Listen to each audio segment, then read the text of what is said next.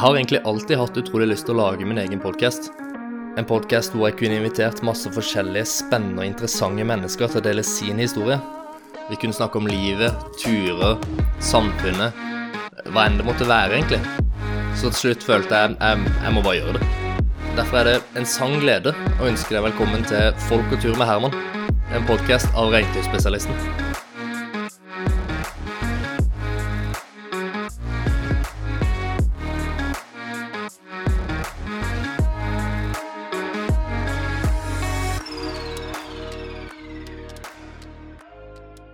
En av de grunnene til at jeg ville starte den podkasten, og til at jeg ville kalle det Folk og tur, er rett og slett for at jeg vil ikke ha en podkast som kun handler om tur. Det skal ikke være så spissa. Ja, vi kan ha gjester som er ekspedisjonsmennesker, eh, men jeg har også lyst til å ha genuine, interessante samtaler med mennesker jeg syns er spennende å snakke med, og som jeg ser litt opp til og blir inspirert av. Og så i dag har jeg med en sånn kar. Eh, velkommen til Elias Chaba, bedre kjent som Unge Beirut. Thank you, thank you. Skal jeg kalle deg Elias eller Unge, eller hva, hva tenker du? For deg så er jeg alltid Elias. Alltid Elias, det er bra. En av grunnene til at jeg ønsker den podkasten, er jo rett og slett det at for det første så, så syns jeg du lager utrolig bra musikk, eh, som jeg hører mye på sjøl. Alt fra trening til å fyre det på hjemme. Eh, men, men så i tillegg kjenner jeg litt på det ønsket å finne ut av hvilket forhold du som Spellemannsnominert artist i kategorien urban har til livet utendørs. Mm. Um, jeg tenker vi, vi kan jo starte litt med musikken, for du har jo et album som er på vei nå. Yes, sir. Kan ikke du gi en liten teaser om hva som kanskje kommer da? Uh, jo, absolutt. Uh, så albumet heter Døden, Mm. og Døden er et akronym. Det står for noe. Okay. Det er liksom Døden er Hver bokstav har en betydning. Og jeg kan tease så mye som at første utslipp kommer om en og en halv uke. Ok. Eh, det Spennende. er singelen. Det vil si en og en halv uke fra og med vi spiller inn dette her. Ja, så det er da torsdag 15., som er en og en halv uke fra da. Ja, Riktig. Så eh, ja, det blir egentlig perfekt. Rundt ja, Nei, ti dager fra og med torsdag den 15. Skjønner. Så kommer første utslipp. Og ehm, ja, det som blir annerledes med det her albumet enn første album, er at det rett og slett er mye mer profesjonelt, først og fremst. Og så handla veldig mye av det første albumet mitt om å på en måte bevise at jeg kan rappe. Liksom at hei, eh, se på meg, jeg er faktisk god. Um, og så var det typ to låter som hadde en mye dypere betydning enn det. Mens dette albumet her har bare sånn betydningsfulle låter, da. Det handler liksom ikke lenger om at hei, jeg prøver å bevise at jeg kan rappe. Fordi nå har jeg lagt det grunnlaget, liksom, at jeg vet at jeg kan det, liksom. Og jeg har ikke noe behov for at andre skal gi meg den bekreftelsen. Fordi jeg har fått den bekreftelsen av de, av de jeg trenger å få det av, på en måte.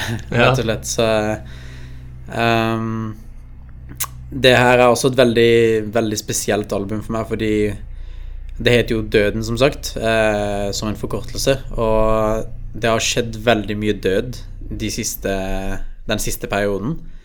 Eh, ikke bare rundt mitt liv, men egentlig rundt om i hele verden også. Men eh, helt siden jeg bestemte meg for å kalle det Døden, eh, i sånn typ slutten av 2018, etter at jeg slapp mitt første album, så har jeg liksom hele tida sagt sånn Ja, 2020 kommer døden, 2020 kommer døden. Og så kom 2020, og hele helvete broke loose, liksom.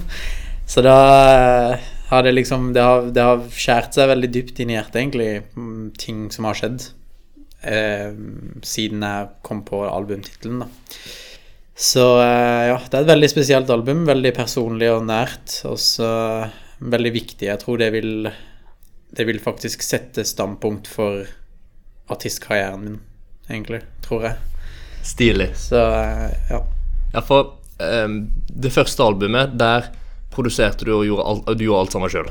Ja, det vil si jeg spilte meg selv inn, jeg miksa og mastra meg selv, Ja. og noen av beatsa produserte jeg, det vil si lagde beatsa, men Ja. mm, de fleste beatsa var liksom typ sånn jeg fant på YouTube, eller at jeg jobba med noen på de, men alt annet gjorde jeg selv, da. Hvordan blir det på det nye albumet som kommer nå? Uh, her har jeg bare jobba med typ to eller tre produsenter til sammen. Så jeg har holdt det veldig liksom det, det tallet veldig lavt, fordi jeg vil at det skal være en rød tråd. Jeg vil at det skal høres ut som et, som et eh, hva skal man si, et skreddersydd prosjekt. Uh, og jeg har faktisk deltatt i alle produksjonene. Så jeg har liksom co-produsa alle låtene Ja, riktig. uh, denne gangen. Ikke bare liksom funnet beats på YouTube eller noe sånt. Denne gangen er det bare meg og en annen kar, og så har jeg og han begge deltatt i alt. Ja, for da har det på en måte sittet sammen og laget ting, og altså hele, hele prosessen, da. Alt har vært fra scratch. Det er faktisk kun én låt av alle ti, som jeg også kan røpe. Det blir ti låter. Eh, det er én låt av alle de ti hvor jeg bare hørte en beat som allerede var laga, og tenkte 'holy shit, den her må jeg lage noe på'. Ja, ja. Og det var også veldig spesielt øyeblikk, fordi jeg var i, i Stockholm, og det var første gang jeg møtte en produsent, og det første han spilte med, var den biten som liksom det skjedde på. Fordi det var bare et sånn spesielt øyeblikk. Ja. Så ja, én av ti låter er låter som en beat som ikke ble laga fra scratch, da, rett og slett. Ja, for du, du sier jo med um, Når du sier det Ok, første låt han spilte Uh, Jeg har alltid lurt på viktigheten av kjemien mellom en produsent og en artist når dere lager en låt. For Mm. Ja. det, det, må, det er jo på en måte ehm, veldig personlig for deg som artist, det du, hold, altså det du har lagd. Det, det er jo på en måte din, din baby, akkurat det her. Eh, Hvor viktig er den kjemien? Det er, den kjemien er egentlig alt, og det er derfor jeg har Det er derfor jeg ikke har jobba med så mange produsenter, fordi jeg har ikke turt å ta den risken av å skape ny kjemi hver gang. Eh, du kan se på det som en psykolog, egentlig. Så hvis du liksom ikke har god kjemi med psykologen din, så blir det vanskelig å brette ut ting. Det blir vanskelig å, å formidle ting eh, og ha en, å ha en på en måte en interessant dialog, da. Og det er jo det egentlig en artist og en produsent har. De har en dialog, og vi kommuniserer med musikk, da. Så det er liksom eh, Gir han eh, på en måte mine problemer via tekst, og han svarer meg med melodier, på en Ja, måte. ja. Så, det, så det er sånn det blir, da. Um, så den kjemien er dritviktig, og man ser det jo hos alle de beste artistene. De har én sånn én kar som er fast hos de, liksom sånn Drake har liksom 40, eh, som han heter. Kendrick Lamar har en som heter Ali. Det er liksom deres De vil aldri slutte å jobbe med den personen, fordi den personen er grunnlaget for det hele deres eh, lydbilde, da. Mm. Så eh, ja. Det er veldig viktig. Men ehm, du har jo jobba med litt forskjellige artister eh, opp igjennom. Du har jobba med en, eh, noen svensker ditt, og, og eh, annet Lars Iveli, som, som eh, står mitt hjerte nært. Shoutouts, shoutouts. Ja. Men hvem er ønskeartisten din å jobbe med? Nå kan du tenke uansett om det er norsk eller svensk eller amerikansk, hva enn det er, på en måte hvis du virkelig Ok, Ok. den personen her. Ja, vi kan ta en norsk og en internasjonal, Ja. sånn at det blir litt sånn rettferdig. Ja, kult. Så norsk ehm, Jeg hadde sagt Karpe, men faktisk så er Magdi Ja, liksom i Karpe. Riktig. Fordi jeg elsker Chirag, og han er som mentoren min, på en måte. Vi, han har gitt meg veldig mye veiledning over mange middager vi har tatt sammen, liksom. Eh, men Og meg og han er også veldig overraskende like, som jeg snakka om i stad, meg og Lars Evelli. Ja. Meg og Chirag er faktisk litt likere når det gjelder oppvekst og sånn, for han er også veldig sånn streng familie, streng mamma som bare ville at han skulle bli lege og, og sånne Ja, ja. ting. Så det var liksom det at han gikk ruta av å bli en artist. Vi har veldig mange likheter der. Men jeg tror det er det som ville gjort en sang med meg og han litt sånn derre Litt kjedelig. Eller det, var liksom, det er jo ikke kjedelig når man har skirugg på låt uansett. men, men det hadde på en måte blitt litt sånn her forventa, da. Fordi vi har på en måte det samme å formidle. ja. Mens meg og meg, de har liksom helt forskjellig liksom, ja, bakgrunn, helt forskjellig oppvekst, helt forskjellig syn på ting. ja. Men samtidig har vi også likt syn på ting. Og jeg, han er bare top notch artist. Ja, Så ja. Magdi i Norge, internasjonalt hmm. Jeg hadde mm, alltid sagt Kendrick Lamar, sånn uansett.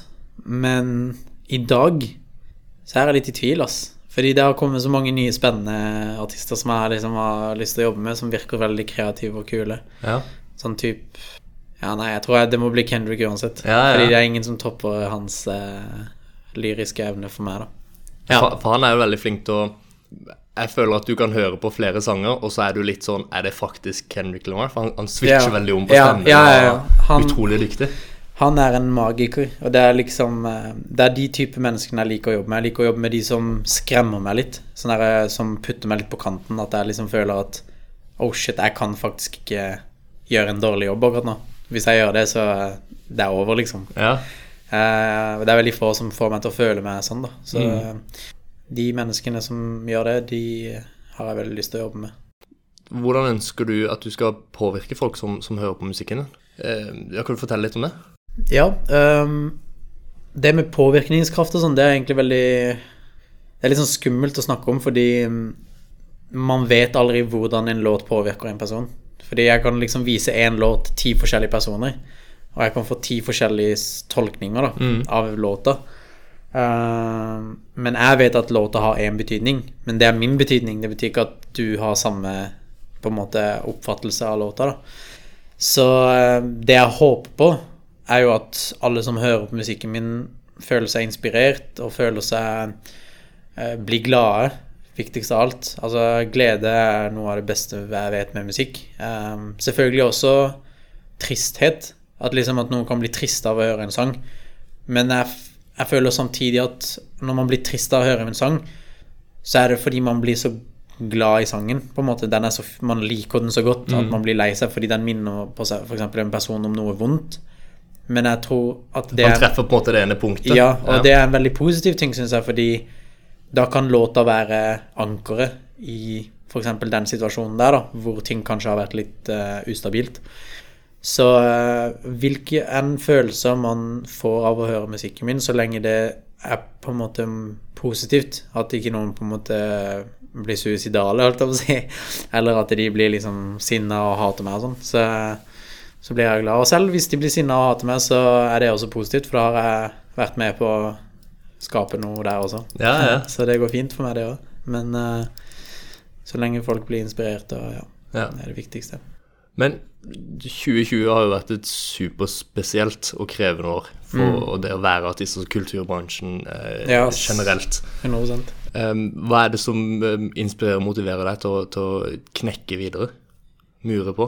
Um, jeg har alltid hatt et mål og en visjon helt siden jeg egentlig bestemte meg for å satse musikk. Eh, og det er at ja, uansett hva som skjer, uansett hvor liksom tøft det blir, og det er veldig sånn klisjé-ting å si, da, men sånn her, jeg har aldri gi opp, bla, bla, bla. Men jeg vet akkurat hva jeg har lyst til å bli. Uh, og de fleste er sånn her Ja, jeg gjør det for familien min, og jeg gjør det for liksom ditten og datten, men selvfølgelig gjør jeg det også. Jeg kom jo hit fra typ null, liksom. Eh, og det er ingenting annet i verden jeg vil enn å glede familien min. Men hvis jeg skal være helt ærlig og ta vekk liksom alle det der laget med liksom sånn derre bra image-greie, så er det jo fordi jeg vil bli best. For faen. på Ja. en måte sånn, for å si det med litt punch, liksom. Jeg har, jeg har lyst til å bli best. Jeg hater å tape. Jeg vil bli den aller beste som noen gang har rørt pennen, liksom. Ja. Og det er, det er det som trigger meg hver dag. Hver, hver gang jeg skriver en låt, hver gang jeg er i studio, så tenker jeg på at hvis ikke jeg blir best, så, så dør jeg, liksom. Det er tankegangen. ja. Skjønner. Så Ja, for det er jo en av tingene som jeg virkelig syns jeg eh, Som jeg liker veldig godt med deg, da. Eh, det her at du Altså, du bare murer og murer og murer og murer. Du, du bare knekker på. Eh, og det syns jeg sjøl òg, som, som vår, vår felles venn Emil Martinovic også, med sånne folk som bare eh, nekter å gi seg, som har det 'jeg skal få til dette her', og blir litt sånn sinnssykt god på 'dette skal jeg få til'. Eh, utrolig uh, deilig å se sånne folk som tør å si liksom det her, det, det, det skal jeg få til. Så er det bare folk får stå i veien. Det skal Ja. bli best. Ikke sant. Det er altså For å si det sånn Det er noe alle de folka som har blitt best, eller som er best i det de gjør, som har til felles. Eh, og det er nettopp den tankegangen. Det er at de gir faen. Altså, ok, jeg kunne også gitt meg dag, den dagen da jeg ble grusa i battle av Nils, for eksempel. Eh, det er liksom typ det flaueste og mest ydmykende øyeblikket i hele mitt liv. Og jeg har opplevd mye flaut, liksom. Uh, og jeg hadde all grunn til å bare tenke å, fy faen, nå, nå er det over, liksom. Jeg ble kjørt på TV, liksom, på video som hele verden kan se. Uh, og kommentarene på den YouTube-videoen er liksom ikke så snille, de heller. Nei, de er ikke så hyggelige. Jeg har sett noen av de. Det- er liksom sånn Og, men det går fint. Det, det, liksom, det, det gjør bare huden min enda tykkere, liksom. Det er ikke sånn at jeg tenker sånn Ah, shit, nå er det over. Og så bare gir jeg meg. For tenk hvor få på en måte mestere man hadde hatt i verden hvis de hadde tenkt sånn hver gang de tapte, liksom. Michael Ja, ja. Jordan tapte, han også. Så han er fortsatt uh, goat, liksom. Ja, for da, men uh, hvis vi kan snakke litt om det, bare litt kjapt om det. For da, du hadde jo den battlen mot han, men er det egentlig det du har lyst til å holde med? Bare Og- battling, og- liksom? Ja, Nei, nei, nei. for Altså, da, for da tenker jeg liksom sånn, ja vel, drit nå i det. Så det Ja, bare, altså, dette er jo ditt mål. Selvfølgelig. Uh, bat, den battlen der Det er veldig mange som Jeg vet ikke hvordan de har tolka det på den måten. Det, altså, mange hadde veldig mye å si, men skulle, jeg skulle egentlig battle en annen person. Eh, og den personen trakk seg, og det var greit. Uh, og så fikk jeg spørsmål Ja, Nils er liksom typ en, en gøy greie man kan gjøre noe ut av. Det vil bli stort, det vil, mange vil se på, bla, bla, bla. Og jeg tenkte Seff, fordi jeg jo Jeg løper jo aldri fra en challenge, liksom. Nei, nei, nei. Så dum som jeg er. Men, eh, men det var liksom det. Det var på en måte Det skjedde bare på et sånn På et blunk. Det var ikke noe sånn at jeg tenkte å, jeg skal battle Nils, for jeg vet at jeg kan ta han. Men det var liksom sånn jeg godtok det, og jeg tenkte ja, ja, fuck it, la meg gå mot Nils. Det blir gøy. Jeg er jo ikke en battler. Det er min eneste Det er første og eneste battlen min jeg har hatt i mitt liv, liksom. Eh, men det var gøy. Og altså sånn Det var ikke gøy, men det var gøy at, at det bare skjedde, liksom. Mm. Og jeg angrer ikke. Jeg hadde, hvis jeg hadde liksom kunnet spole tilbake tida, så hadde jeg gjort det igjen. Ja. Ikke fordi liksom sånn at jeg liker å bli grusa, men fordi jeg lærte veldig mye etter den battlen der. Og det var veldig lett å se hvem som virkelig støtta deg, og hvem som bare ville se deg falle, på en måte. Mm. Så det var gøy. Det, Ja, for, og de som ikke kjenner til, til Nils, det er jo da Nils, Nils med skills. Eh, han er vel Norges- kanskje Norges beste. Ikke kanskje. Han er Norges beste. definitivt Norges eneste og beste, største battler Ja. som noen gang har rørt jorda her Mm. i dette landet. Det er ikke noe tvil engang. Vi snakka jo litt sammen før, eh, før vi begynte å spille inn her. Eh, og da fortalte du nå at du er, du er inne i en sånn loop i forhold til albumet ditt. Eh, hva er det som skjer i hodet og kroppen rett før man skal slippe et album? Når det begynner å nærme seg release date? Ja, jeg skulle ønske jeg kunne forklare det eh, på en måte sånn eh, vitenskapelig, holdt jeg på å si, men eh, eh, Altså, det som skjer, er jo rett og slett det at adrenalinet begynner begynner jo å kicke inn. Eh, blir jo helt gal i hodet, eh, for dette her er liksom som nevnt, det er et veldig personlig prosjekt. Eh, veldig nært og veldig sårt. Så jeg har jo brukt veldig mye tid og energi og blod, svette, tårer og hele den regla der. Ehm, og da er det sånn at når det nærmer seg slutt, når det nærmer seg tid for å begynne å slippe det her ut til verden, så er det sånn Da begynner jo alle følelsene å faktisk boble. Det blir litt som Litt sånn som når man var liten og man liksom yppa mot noen. Og så når man først skulle til å slåss, så det var da man følte at liksom Oh shit, ok, nå skjer det, liksom. Nå skal jeg faktisk få bank, eller banke noen. Så det er sånn Det er liksom eh, Jeg sitter her og har liksom putta sjela mi inn i noe, og nå, er, nå skal jeg snart gjøre det tilgjengelig for alle å kritisere og peke på og høre, lytte på og liksom, ikke sant. Så det er veldig, veldig sånn Veldig skummelt og veldig gøy og veldig sykt og alle følelser samtidig. Og da blir jeg veldig sånn søvnløs, for jeg begynner å tenke sånn Å, shit, jeg må gjøre det annerledes. Ah, kanskje jeg skal gjøre noe der. Kanskje Shit, kanskje ingen av låtene er bra. Det er noen nettopp jeg bare tenker sånn Å, fy faen, alt er bare dritt. Det høres jo ikke likt ut som noe som blir lagt ut i dag i det hele tatt. Så folk kommer til å tenke hva er det han driver med, liksom. Han har jo ikke lagd noe som høres inn ut, liksom, eller sånn. Og det er så mange tanker, men det ender alltid med, Heldigvis, da, så ender det alltid med Nei, fuck it, det, har, det, skal, det skal skje, liksom.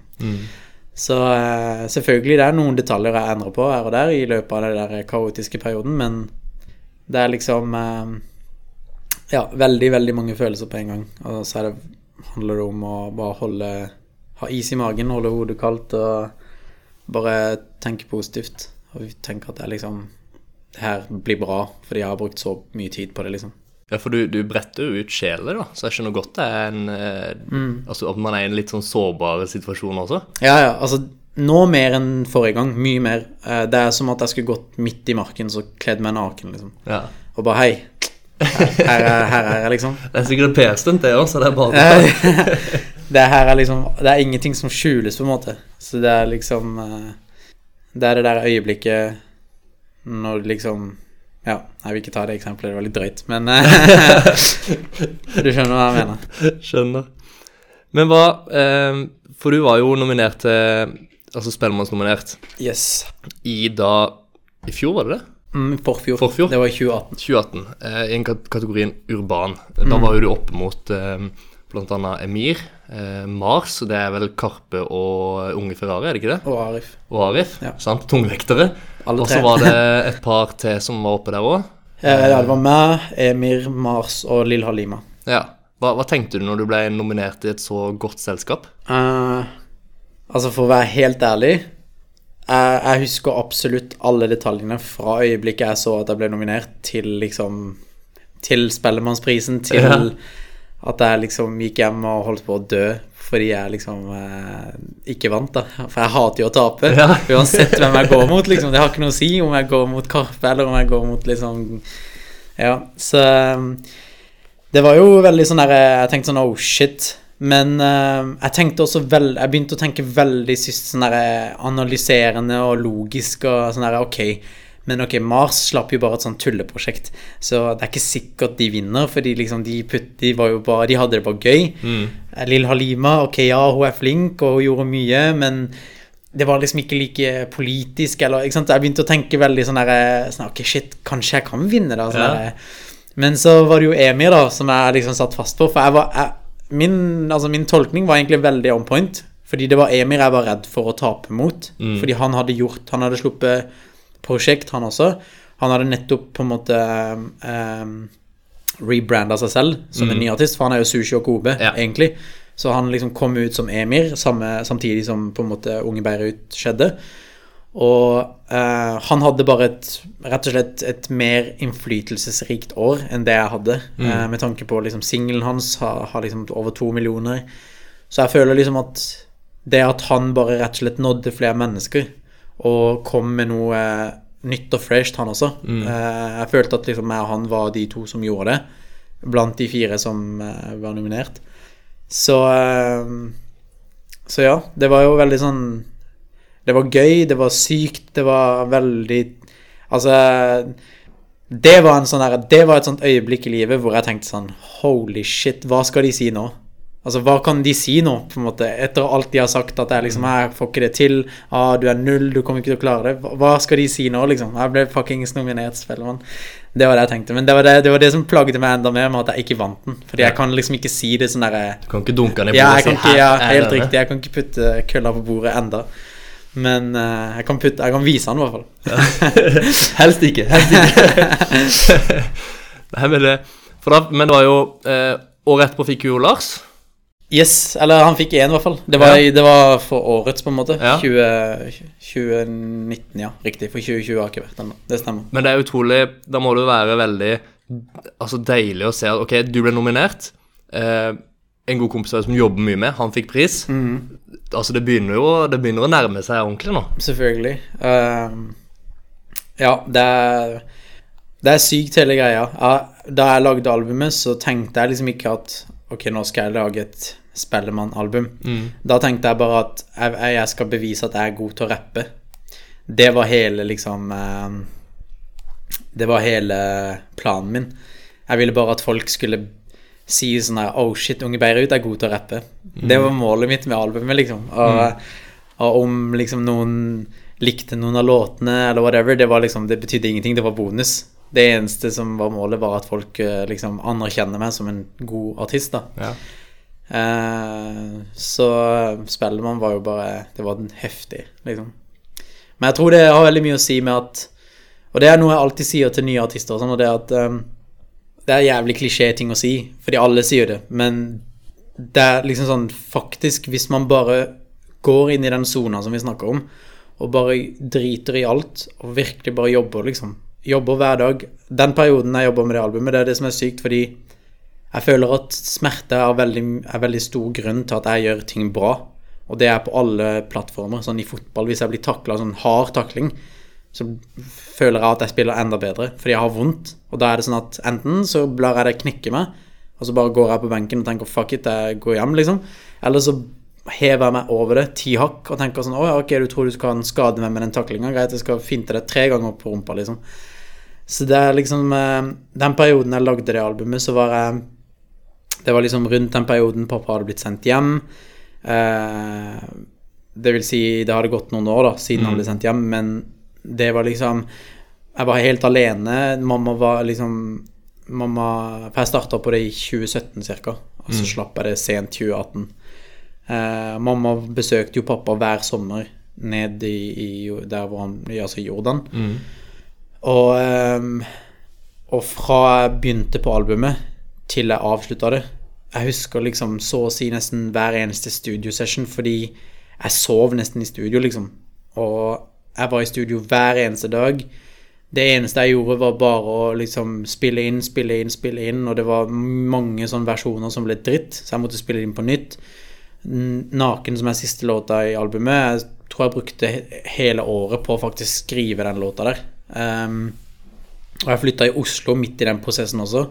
Og i Oslo jeg hadde jeg hadde en eh, Jeg i Apple, så det var liksom en, eh, åtte til fire-jobb. Så fra åtte på morgenen til klokka fire så var jeg liksom på jobb.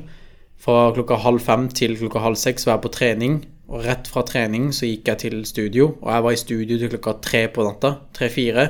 Og så gikk jeg og la meg i sånn to timer, tre timer, våkna opp for å gå på jobb. Og det her var hver dag. Jeg levde på nudler og tunfisk. Sånn literally. Ja. Hver dag. Og de, den smerten, den sulten, den liksom Jeg ga faen, skjønner du. Det var sånn jeg tenkte sånn Ok, jeg har det vondt nå, og jeg det har det helt jævlig. Jeg sover i et kollektiv med seks andre, og de er skitne, og de vasker ikke opp. Og jeg hadde lyst til å dø hver morgen, hver gang jeg la meg i den senga, liksom. Jeg hadde bare lyst til å fly vekk og bare liksom være for meg selv, men jeg tenkte at jeg skal fuckings klare det, liksom. Mm. Og så bare Det speiler seg, da. Man får det man gir, og det er faktisk så sant. Fordi liksom, ok jeg, jeg gjorde mye selv, og det var liksom ikke det mest profesjonelle albumet, men folk kunne høre det. Folk kunne høre smerten, folk kunne høre det harde arbeidet. Og jeg fikk med to av, to av Sveriges største artister Ja. på et prosjekt som er independent. eh, Og, og hvem andre har gjort det, liksom. Så det var liksom Man får hva man gir. Man får det man gir. Ja, ja. Nei, men det er en fin uh, inspirasjonsquote, egentlig. For det eh, Altså, man må bare jobbe, jobbe, jobbe, jobbe, jobbe, jobbe, jobbe, jobbe, jobbe. Og så feiler man, feiler man, feiler man, feiler man, feiler man, men man fortsetter å Ja, ja. dunke huet i veggen helt til du Helt slår, slår hull, altså. Helt riktig. Og det er det som er litt fint med musikk også. Folk må ikke se at du feiler, fordi alt skjer i studio. Ja, du kan bare slette det, og så er det bare Ok, Yep. du husker det, men eh, det, det trenger ikke å Ingen, ingen andre får høre dine fails, og det er liksom eh, Med mindre det blir lagt ut, da. Ja. Det er jo liksom Det er der man må ha den derre Man må ha den gode magefølelsen også. Den Mm. er viktig. At liksom man tenker sånn Ok, skal jeg legge ut her eller ikke? Men uh, bare, fuck, bare jobb hver dag, altså. Og da mener jeg liksom jobb, jobb. Ikke bare tenk liksom Ja, nå skal jeg jobbe, og så prokrastinerer man i fem timer, liksom. Mm. Så eh, det er jævlig mye man får av hardt arbeid, altså. Mm. Det er det. 100% Men litt over, vi nærmer oss faktisk eh, slutten, og tida har jo flydd av gårde her. Eh, Så litt over på tur og friluftsliv. Yeah. Det er også noe man kan knytte til en, eh, en eh, artist som driver med urbanmusikk. Absolutt. Hva, hva er ditt forhold til det å være utendørs, egentlig? Um, altså, jeg har alltid likt å være ute. Mm. Uh, for meg selv. Ja. Sånn når jeg på en måte tenker friluftsliv og turer og sånt, så er det sånn turer jeg liker å ta alene fordi man får litt sånn peace of mind, rett og slett. Ehm, spesielt da jeg f.eks. bodde i USA og England og sånn, så var det sånn Man hadde ofte mye dødtid, og jeg liker å tenke, jeg er veldig liksom, sånn tankefull type. Mm. Så um, det hender ofte at jeg tar meg liksom turer bare for å tenke for meg selv. Sitte et sted hvor ingen kan forstyrre meg. Og da er det enten liksom at jeg kan sitte, sette meg i bilen, fordi der er det liksom veldig isolert, og jeg kan lytte på musikk og sånn. Eller så er det sånn at jeg går turer og setter meg typ på sånn fjellkant og bare tenker, da. Så, eh, og tur er også Altså, jeg har jo studert uh, idrettspsykologi, Ja.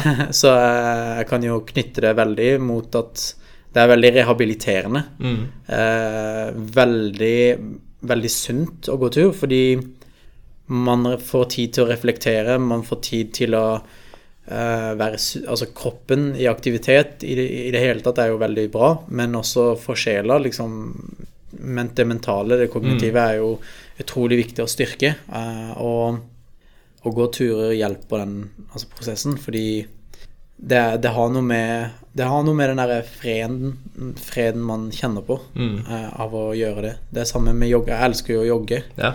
Og det alle hater meg for det liksom typ på fotballtreningen og sånn, at jeg liksom aldri klagde på sånn Ja, la oss ta løpetrening, liksom. Men det er som sagt, jeg finner noe fred i å jogge. For det er liksom sånn Ok, jeg for meg selv Det er et sted hvor ingen kan komme og avbryte deg, liksom. Sånn, det er ingen som stopper en kar som jogger.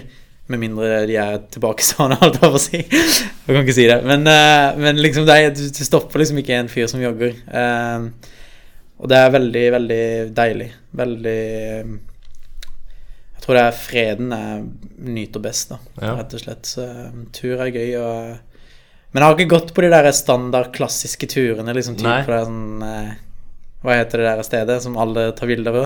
Det er jo Prekestolen. Prekestolen, ja. Ja. Det er liksom de der standarder der. Jeg har ikke vært på de og tatt sånne der kjærestebilder ennå, men.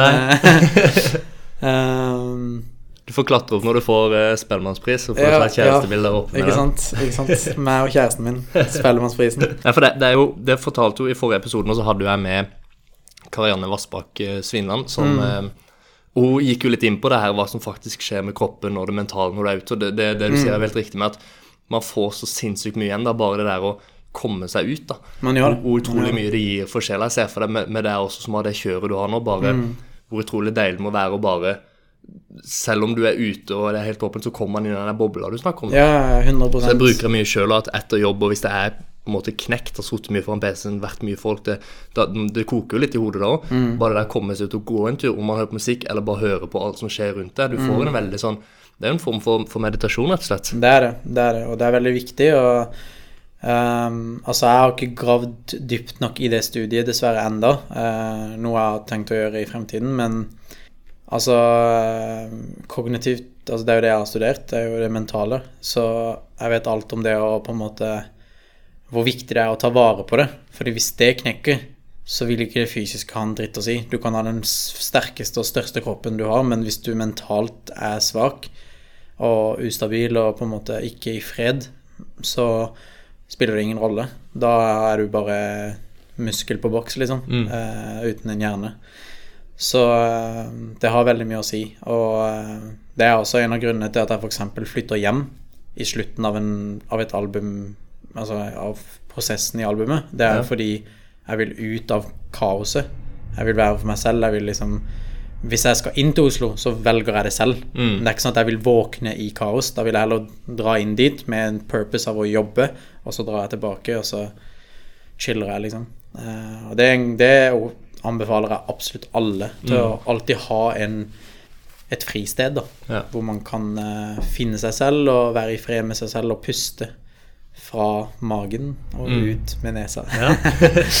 Nei, men da, Du skulle blitt med opp. Etter. Vi har jo, jeg har nevnt det tidligere, med, med, vi har en støyl oppe i, oppe i Setesdalen. Det er uten strøm, eller vi har noen solceller for trelys. Det er ikke telefondekning. Og så er man, man er på en odde, og det er, det er bare sånn fjell rundt. Og det er sånn, der drar jeg opp hvis jeg bare trenger en Jeg drar ofte opp alene eller en helg og bare kan sitte i Det høres helt fjernt ut, men sitter i fire timer og bare kikker på et fjell Ja, ja. som er der. Og bare sitter, Ja. Jeg satt der sist jeg var der, så høljregna det. Det var en av de dagene Jeg tror den helga regna det mest regn på mange mange år. Det var, det var helt vilt. Heiv opp en presenning, så satt jeg bare der og bare eh, tok inn alt sammen og, og kom tilbake som en, som en helt ny mann, altså. Ja, ja, ja. Det er Altså, alle har sin metode, da, rett og slett, men uh, det er viktig at alle har en, på en måte, hvis man skal si det sånn. Mm. Uh, det er utrolig, utrolig viktig. Og spesielt altså, jo mer Jo større sos altså, sånn internett og sosiale medier og sånt blir, jo viktig, altså, desto viktigere er det å ha en frisone. Fordi, som du sier, når man sitter foran en skjerm hele dagen, så ødelegger det flyten av livet, da, rett og slett. Mm. Du må faktisk puste litt også. komme deg ut av og til. Ja, ass, Enkelt og det er viktig.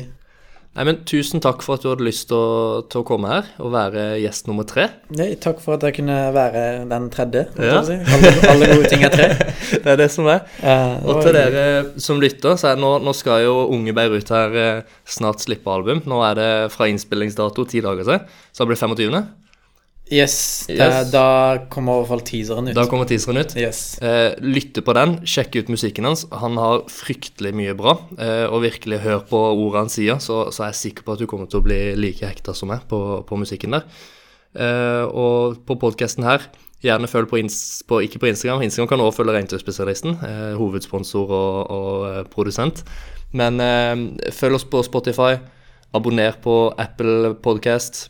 Fem stjerner er super nice. Yes, sir. Da kommer jeg høyere på lista, så jeg kan få ordene mine ut til enda flere folk. Så det er bra.